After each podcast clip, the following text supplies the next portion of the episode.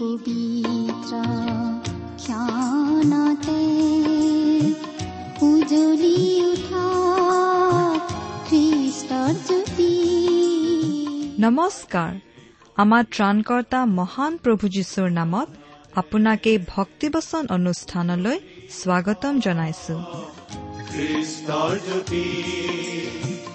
আকাশ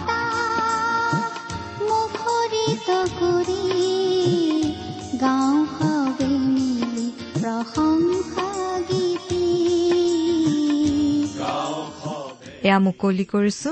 ঈশ্বৰৰ জীৱিত বাক্যৰ ধাৰাবাহিক অনুষ্ঠান ভক্তি বচন। আপোনাৰ জীৱনত যদি শান্তি পাব বিচাৰে তেন্তে এয়া ঈশ্বৰৰ বাক্যৰ সান্তনা বাক্য ভক্তি বচন। গতিকে আহক আজিৰ শিক্ষা শুনো।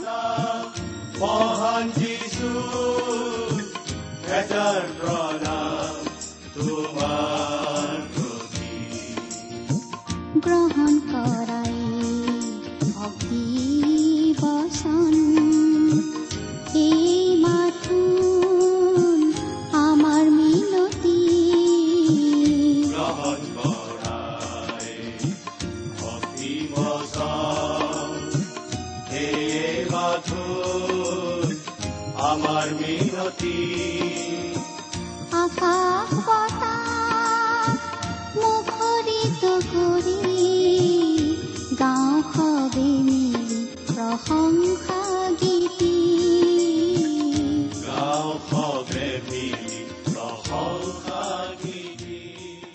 আমাৰ মহান ত্ৰাণকৰ্তা প্ৰভু যীশুখ্ৰীষ্টৰ নামত নমস্কাৰ প্ৰিয় শ্ৰোতা।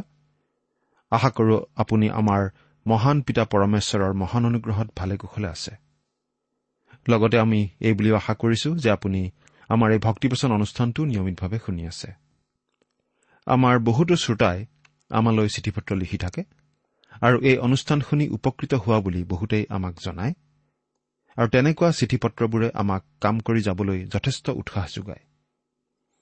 আপুনি বাৰু কেতিয়াবা আমালৈ চিঠি পত্ৰ লিখিছেনে? অনুগ্ৰহ কৰি আজিয়ে দুখাৰিমান লিখি পঠিয়াবচোন। এই অনুষ্ঠানযোগে প্ৰচাৰ কৰা কোনো কথা অধিককৈ বুজিবলগীয়া থাকিলেও আমালৈ লিখিব পাৰে। আমাৰ ঠিকনা? ভক্তিবচন টি ডব্লিউ আৰ ইণ্ডিয়া ডাক বাকচ নম্বৰ সাত শূন্য গুৱাহাটী সাত আঠ এক শূন্য শূন্য এক।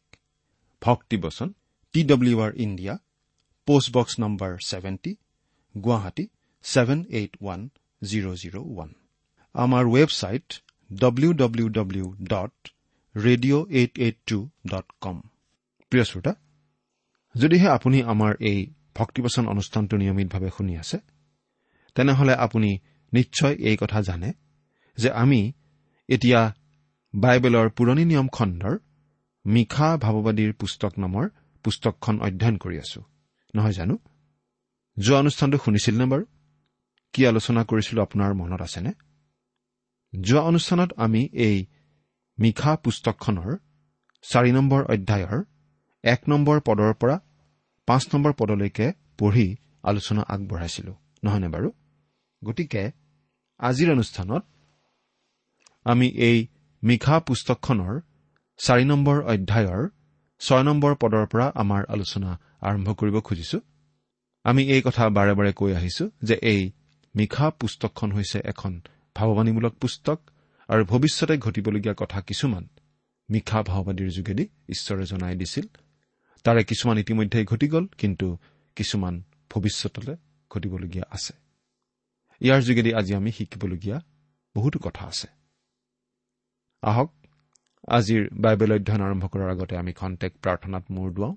আমি প্ৰাৰ্থনা কৰো। আমাৰ স্বৰ্গত থকা মৰমীয়াল পিতৃ ঈশ্বৰ তোমাক ধন্যবাদ জনাইছো। কাৰণ তোমাৰ মহান বাক্য বাইবেল শাস্ত্ৰ অধ্যয়ন কৰিবলৈ তুমি আমাক আকৌ এটা সুযোগ দান কৰিছা।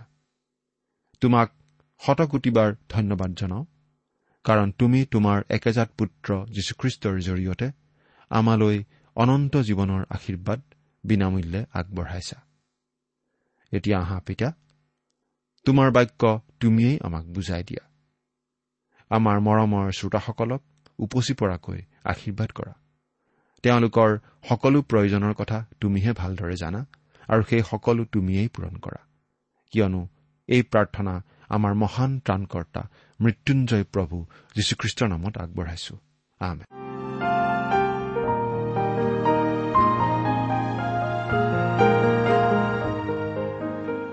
আহক এতিয়া আমি বাইবেল অধ্যয়নৰ পিনে আগবাঢ়ো।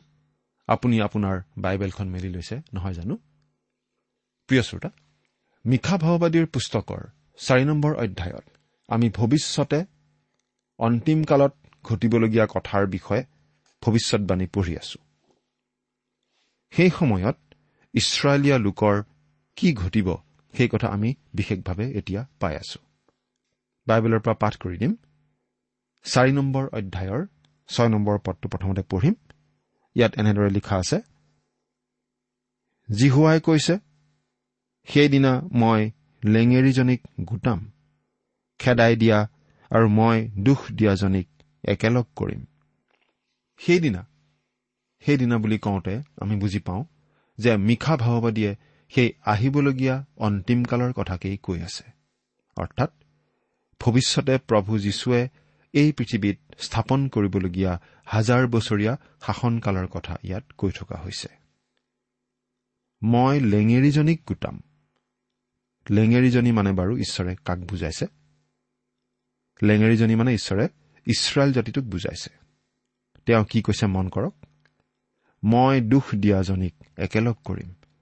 অৰ্থাৎ আমাৰ এনেকুৱা লাগে যে ইছৰাইল জাতিৰ যি অপায় অমংগল ঘটিছে তাৰ দুখটো ঈশ্বৰেই নিজৰ গাত লৈছে। এবাৰ এজন মানুহে জিৰচালেমত এজন যিহুদী মানুহৰ লগত কথা পাতিছিল। সেই মানুহজনে ইউৰোপত যিহুদী জাতিৰ ওপৰত হোৱা অত্যাচাৰৰ পৰা পলাই আহি ৰক্ষা পৰিছিল।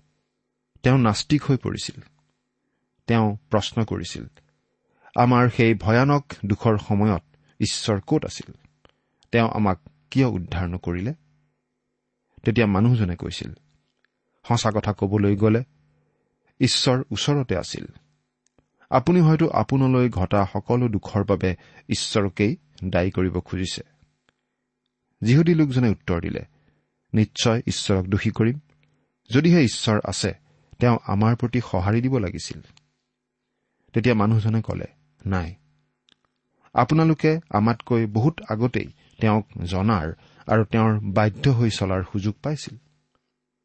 আপোনাৰ জাতিটোৱে যেতিয়া প্ৰকৃত আৰু জীৱন্ত ঈশ্বৰক জনাৰ সুযোগ পাইছিল তেতিয়া আমাৰ পূৰ্বপুৰুষবিলাক বৰ্বৰ অৱস্থাতেই আছিল। তেওঁলোক অতি ঘীনলগীয়া নিজ লোক যেন আছিল। কিন্তু আপোনালোকে পোহৰ পাইছিল। অৱশেষত আপোনালোকৰ মাজৰ কিছুমানে আমাৰ মাজলৈ সেই পোহৰ আনিলে। তাৰ বাবে মই কৃতজ্ঞ। কিন্তু আপোনালোকৰ নিজৰ শাস্ত্ৰতেই ঈশ্বৰে এই কথা পৰিষ্কাৰভাৱে জনাই দিছে যে জীৱন্ত আৰু প্ৰকৃত ঈশ্বৰক জনাৰ পাছত আপোনালোকে তেওঁলৈ পিঠি দিলে শাস্তি নোপোৱাকৈ সাৰিব নোৱাৰে।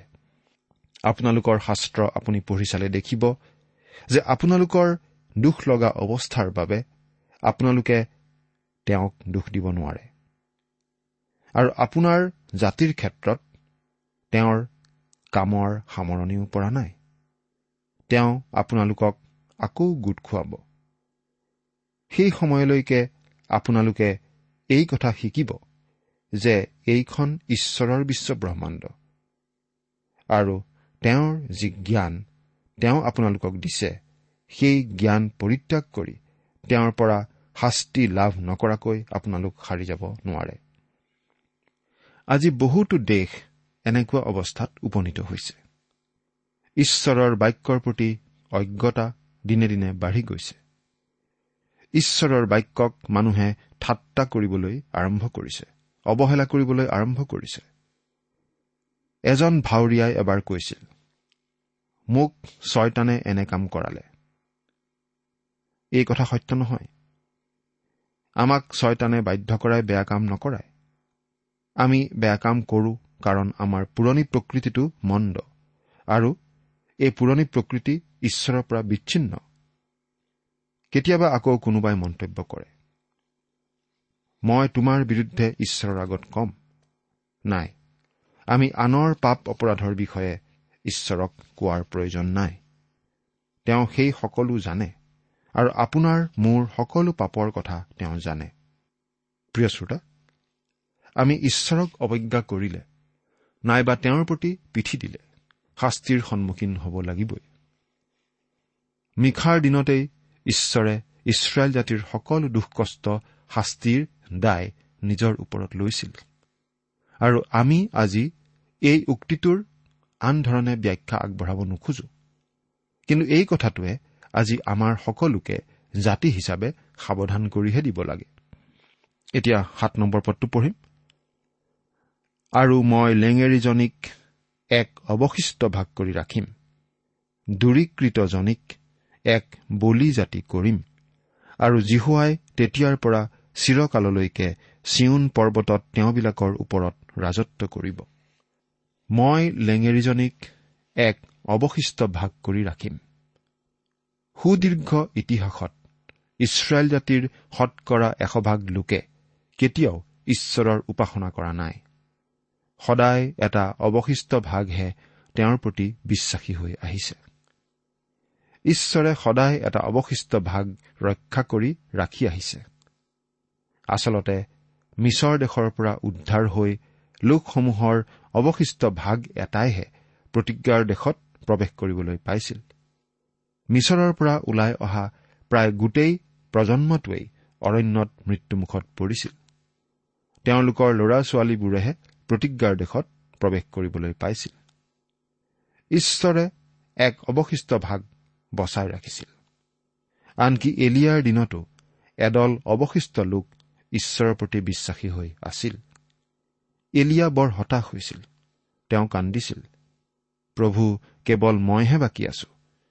কিন্তু ঈশ্বৰে তেওঁক কৈছিল তুমি অকলশৰীয়া নহয়।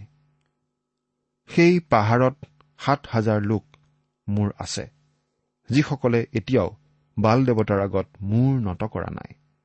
সেই লোকসকলে আহব আৰু ইজেবলৰ পৰা পলাই লুকাই আছিল কাৰণ তেওঁলোকৰ বিষয়ে এলিয়াই জনা নাছিল। আজিও তেনেকুৱা বহুতো খ্ৰীষ্টীয় বিশ্বাসী লোক আছে যিসকলৰ বিষয়ে হয়তো আনে নাজানিবও পাৰে। নিশ্চয় তেনেকুৱা বহুতো লোক এই পৃথিৱীত আছে। প্ৰভু যীশু এই পৃথিৱীলৈ মানৱ ৰূপে অহাৰ সময়তো এদল বিশ্বাসী লোক আছিল।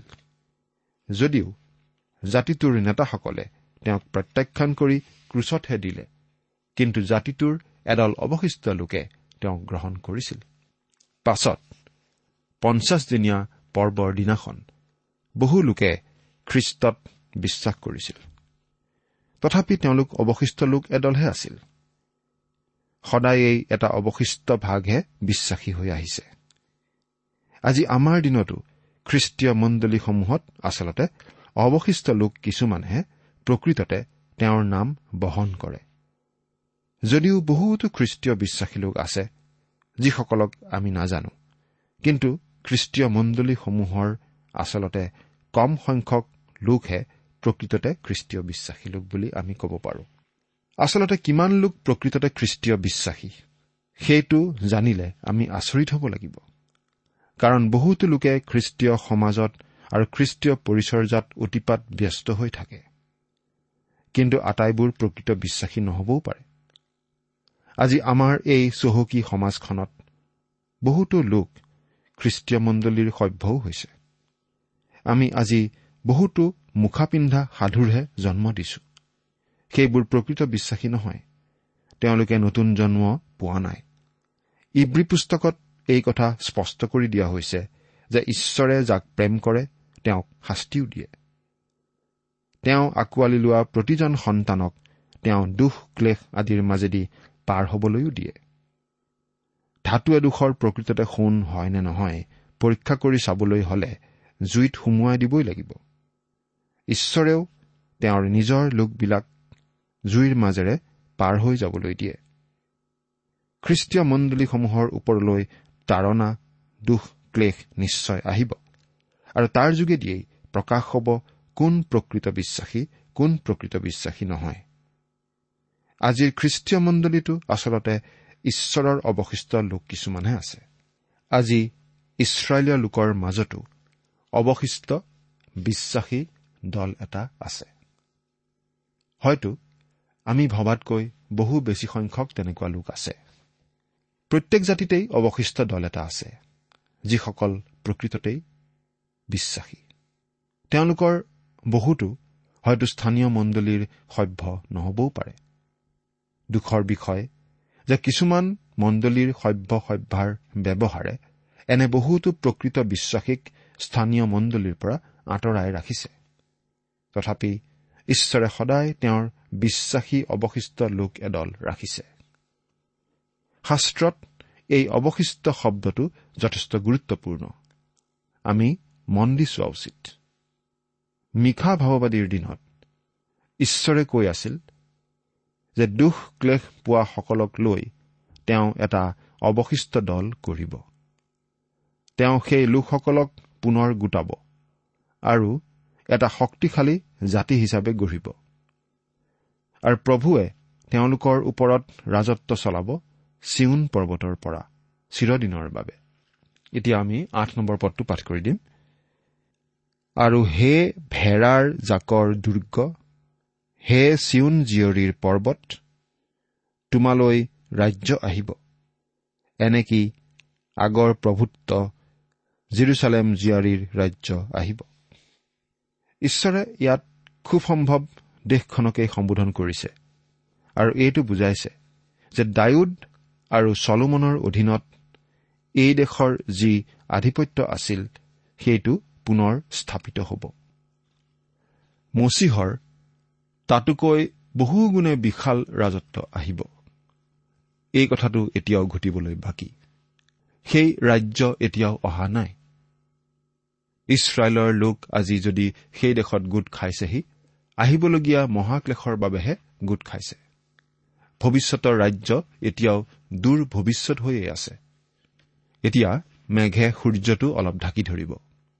ইয়াৰ পাছৰ পদ দুটাই ইছৰাইলীয়সকলৰ বাবিলনীয় বন্দিত্ব বুজাই বুলি ক'ব খোজে। ন আৰু দহ নম্বৰ পদ পাঠ কৰি দিম। তেন্তে তুমি কিয় বৰকৈ কান্দিছা? প্ৰসৱকাৰিণী তিৰোতাৰ দৰে তোমাক যে ধৰিছে তোমাৰ মাজত ৰজা নাইনে? তোমাৰ মন্ত্ৰী বিনষ্ট হলনে? হে চিয়ন জীয়াৰী প্ৰসৱকাৰিণী তিৰোতাৰ দৰে বেদনাপ্ৰাপ্ত হৈ উপজাবলৈ বল দিয়া কিয়নো তুমি এতিয়া নগৰৰ পৰা ওলাই পথাৰত থাকিব লাগিব। আৰু বাবিললৈকে যাব লাগিব।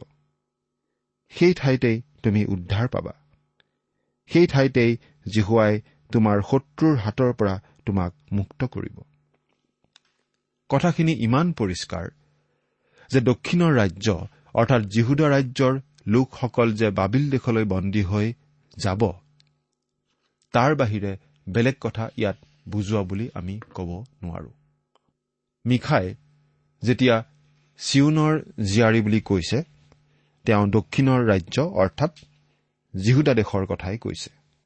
ইয়াত মন কৰিবলগীয়া শব্দটো হৈছে বেদনাপ্ৰাপ্ত হোৱা প্ৰসৱ বেদনাৰ কথা কোৱা হৈছে। বেদনাপ্ৰাপ্ত হোৱা প্ৰসৱ বেদনাৰ কথা একমাত্ৰ মাতৃসকলেহে বুজি পায়। যিসকল মাতৃ নহয় তেওঁবিলাকে দেখা বা শুনা কথাৰ পৰা অনুমানহে কৰিব পাৰে। কিন্তু প্ৰসৱ বেদনা অতি ভয় লগা কোনো ব্যক্তিয়েই সুদীৰ্ঘ সময় এই বেদনা সহ্য কৰিব নোৱাৰে। সেই বেদনা সাময়িক হ'ব লাগিব। ইয়াত নবুখত নেজৰ ৰজাই জিৰচালেম দখল কৰাৰ ছবিখন মিশা ভাৱবাদীয়ে দাঙি ধৰিছে। নবুখত নেজৰ ৰজাই তিনিবাৰ সেই নগৰলৈ আহিছিল। আৰু তৃতীয়বাৰ তেওঁ মন্দিৰ অঞ্চল ভাঙি ছিঙি চুৰমাৰ কৰিছিল। জিৰচালেম নগৰখন একেবাৰে মাটিৰ লগত মিলাই দিছিল জ্বলাই ছাৰখাৰ কৰিছিল। জিহুদাৰ মানুহবিলাকৰ দুখ কষ্ট প্ৰসৱ বেদনাৰ লগত ৰিজোৱা হৈছে। এই সময়খিনি ছুটি হ'ব লাগিব নহলে জাতিটো নিশ্চিন্ন হৈ যাব। তেনেকুৱা ধৰণৰ কষ্ট সুদীৰ্ঘ দিন চলি থাকিব নোৱাৰে। কাৰণ মানুহবোৰে সহিব নোৱাৰিলেহেঁতেন। ঠিক একে কাৰণতেই ভৱিষ্যতে এই পৃথিৱীলৈ আহিবলগীয়া মহাক্লেশৰ সময়ছোৱাও ছুটি হ'ব। প্ৰভু যীশুৱে এইটো জনাই দিছে। মুঠিয়ে লিখা শুভবাৰ্তা চৌব্বিছ নম্বৰ অধ্যায়ৰ বাইছ নম্বৰ পদত। তাত আমি এনেদৰে পাওঁ আৰু সেই দিনৰ সংখ্যা কম নকৰা হলে কোনো প্ৰাণীৰে ৰক্ষা নহলহেঁতেন। কিন্তু মনোনীত লোকৰ নিমিত্তে সেই দিনৰ সংখ্যা কম কৰা হ'ব। তুমি এতিয়া নগৰৰ পৰা ওলাই পথাৰত থাকিব লাগিব আৰু বাবিললৈকে যাব লাগিব। নবুখত নেচৰ ৰজাই জিৰচালেম দখল কৰোতে বাচি থকা মানুহবোৰ পলাই পথাৰত বাস কৰিব লগা হৈছিল। কিন্তু অৱশেষত তেওঁলোকক বাবিল দেশলৈ বন্দী কৰি লৈ যোৱা হৈছিল। এই পদ দুটাত মিশা ভাওবাদীয়ে অচুৰীয়াবিলাকে ইছৰাইল দেশক বন্দী কৰি নিয়াৰ পাছতহে জিহুদাৰ লোকবিলাকক বাবিল দেশলৈ বন্দী কৰি নিয়া হ'ব সেই কথা কৈছে। কিন্তু পিছৰ মুহূৰ্ততেই তেওঁ উদ্ধাৰৰ কথাটো ঘোষণা কৰি দিছে। তেওঁ কৈছে সেই ঠাইতেই তুমি উদ্ধাৰ পাবা। সেই ঠাইতেই জিহুৱাই তোমাক শত্ৰুবোৰৰ হাতৰ পৰা উদ্ধাৰ কৰিব। যদিও তেওঁলোক বাবিল দেশলৈ বন্দী হৈ যাব কিন্তু ঈশ্বৰে তেওঁলোকক তাতেই উদ্ধাৰ কৰিব। আমি জানো ঈশ্বৰে সেই বাবিলনীয়া কুৰছ ৰজাৰ যোগেদি তেওঁলোকক মুক্তি দিছিল। অৰ্থাৎ মিখাই বুজাইছে যে ঈশ্বৰৰ লোকবিলাকৰ দুখ কষ্ট যন্ত্ৰণা আদি আনন্দত পৰিণত হ'ব। ইয়াৰ পিছত মিখাই দূৰ ভৱিষ্যতলৈ চাই পঠিয়াইছে। আহিবলগীয়া মহাক্লেশ আৰু আৰ্মাগেদনৰ মহাযুদ্ধৰ কথা। এঘাৰ নম্বৰ পদ পঢ়ি দিছো। আৰু চিউন অসুচী হওক। আমি নিজ চকুৰে চিউনৰ ওপৰত আমাৰ ইচ্ছা পূৰ হোৱা দেখো হওক। এই বুলি কোৱা অনেক জাতিয়ে এতিয়া তোমাৰ অহিতে গোট খাইছে। অনেক জাতিয়ে এতিয়া তোমাৰ অহিতে গোট খাইছে। অনেক জাতিৰ কথা কোৱাৰ পৰা বুজিব পাৰি যে মিশা ভাওবাদীয়ে ইয়াত বাবিলনীয়া আক্ৰমণৰ পৰা আঁতৰি আন কথা কৈছে। অনেক জাতিয়ে জিৰচালেম আক্ৰমণ কৰাৰ কথা আন কেইবাজনো ভাৱবাদীয়ে উল্লেখ কৰিছে। ই মহাক্লেশৰ সময়ত ঘটিবলগীয়া আৰ্মাগেডনৰ যুদ্ধৰ কথাকে বুজায়। এয়া ভৱিষ্যতে ঘটিব। বাৰ নম্বৰ পদ। কিন্তু সিহঁতে জিহুৱাৰ কল্পনাবোৰ নাজানে আৰু তেওঁৰ মন্ত্ৰণা নুবুজে কিয়নো তেওঁ সিহঁতক মৰণা মৰা খলাত ডাঙৰি গোটোৱা দি গোটাইছে। ঈশ্বৰে কি কৰিব সেই জাতিবিলাকে নাজানে। আচলতে জিৰচালেম আক্ৰমণ কৰিবলৈ অহা সেই সকলো জাতিয়ে অজানিতে ঈশ্বৰৰ দণ্ডৰ সন্মুখীন হবলৈহে তেনেদৰে আগবাঢ়ি আহিব সেই মহাক্লেশৰ সময়ত সেই আৰ্মাগেদনৰ যুদ্ধৰ সময়ত। তেৰ নম্বৰ পদ হে চিয়ন জীয়ৰী উঠা। আৰু মাৰা। কিয়নো মই তোমাৰ শিং লোহাৰ আৰু তোমাৰ খুৰা পিতলৰ কৰিম। তাতে তুমি অনেক জাতিক মাৰি দুখৰ দুখৰ কৰিবা। আৰু তুমি সিহঁতৰ পৰা পোৱা লাভ জিহুৱাৰ উদ্দেশ্যে আৰু তুমি সিহঁতৰ পৰা পোৱা ধন সম্পত্তি গোটেই পৃথিৱীৰ প্ৰভুৰ উদ্দেশ্যে উৎসৰ্গ কৰিবা। অৰ্থাৎ পৃথিৱীৰ জাতিবোৰ মৰণা মাৰিবলৈ অনা শস্যৰ নিচিনা হৈ পৰিব। আৰু ইছৰাইল দেশে সেই মৰণা মাৰিব। আজি সেই দেশ দুৰ্বল আৰু আনৰ ওপৰত নিৰ্ভৰশীল। কিন্তু তেতিয়া তেওঁলোক প্ৰভুৰ ওপৰত নিৰ্ভৰশীল হ'ব। গীতমালা পঁয়সত্তৰ নম্বৰ গীতৰ ছয় আৰু সাত নম্বৰ পদত আমি এনেদৰে পঢ়িবলৈ পাওঁ কিয়নো পূব পশ্চিম কি দক্ষিণৰ পৰা উন্নতি লাভ নহয় কিন্তু ঈশ্বৰেই বিচাৰকৰ্তা। তেওঁ কোনোক নমাই কোনোক তোলে। সেইদিনা ইছৰাইলৰ সহায় পূব পশ্চিম উত্তৰ দক্ষিণ কাৰো পৰা নাহে। আহিব স্বৰ্গমৰ্তৰ স্ৰষ্টা ঈশ্বৰৰ পৰাহে। অৰ্থাৎ এই শেষৰ পদ তিনিটা ভৱিষ্যতে আহিবলগীয়া আৰ্মাগেডনৰ যুদ্ধৰ বিষয়ে। আৰু সেই যুদ্ধৰেই সামৰণি পৰিব মহাক্লেশৰ সময়ছোৱা। তাৰ পিছতেই প্ৰভু যীশুৰ সেই ন্যায় শাসন প্ৰতিষ্ঠা হ'ব। সেই সময়ত আপুনি বাৰু ক'ত থাকিব? চিন্তা কৰি চাওকচোন। ঈশ্বৰে আপোনাক আশীৰ্বাদ কৰক। আহমেন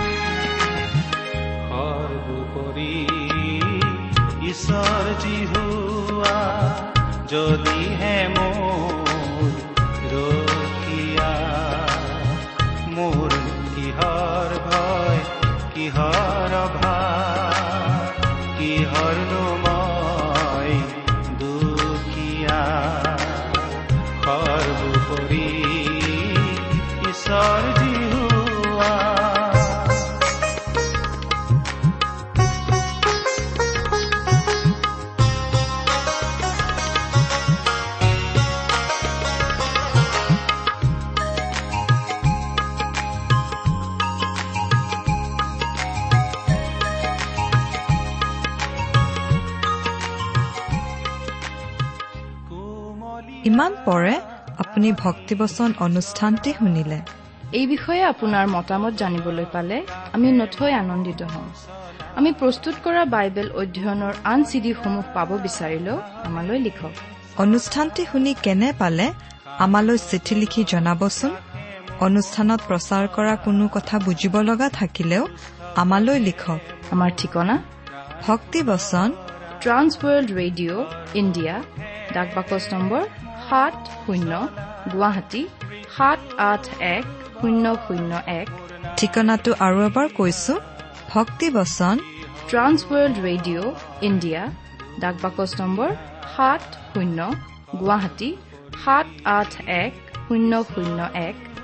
আমাৰ ইমেইল এড্ৰেছটো হৈছে S M is T T B at the rate radio' eight eight two dot com.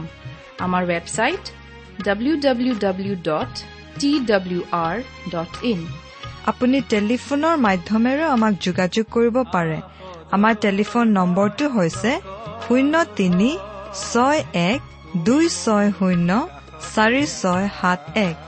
Phone নম্বৰটো আকৌ এবাৰ কৈছো zero' three six one two six zero' four six seven one. আজিৰ অনুষ্ঠানটি ইমানতে সামৰিছো। ঈশ্বৰৰ শান্তি আৰু অনুগ্ৰহ আপোনাৰ লগত থাকক। ধন্যবাদ।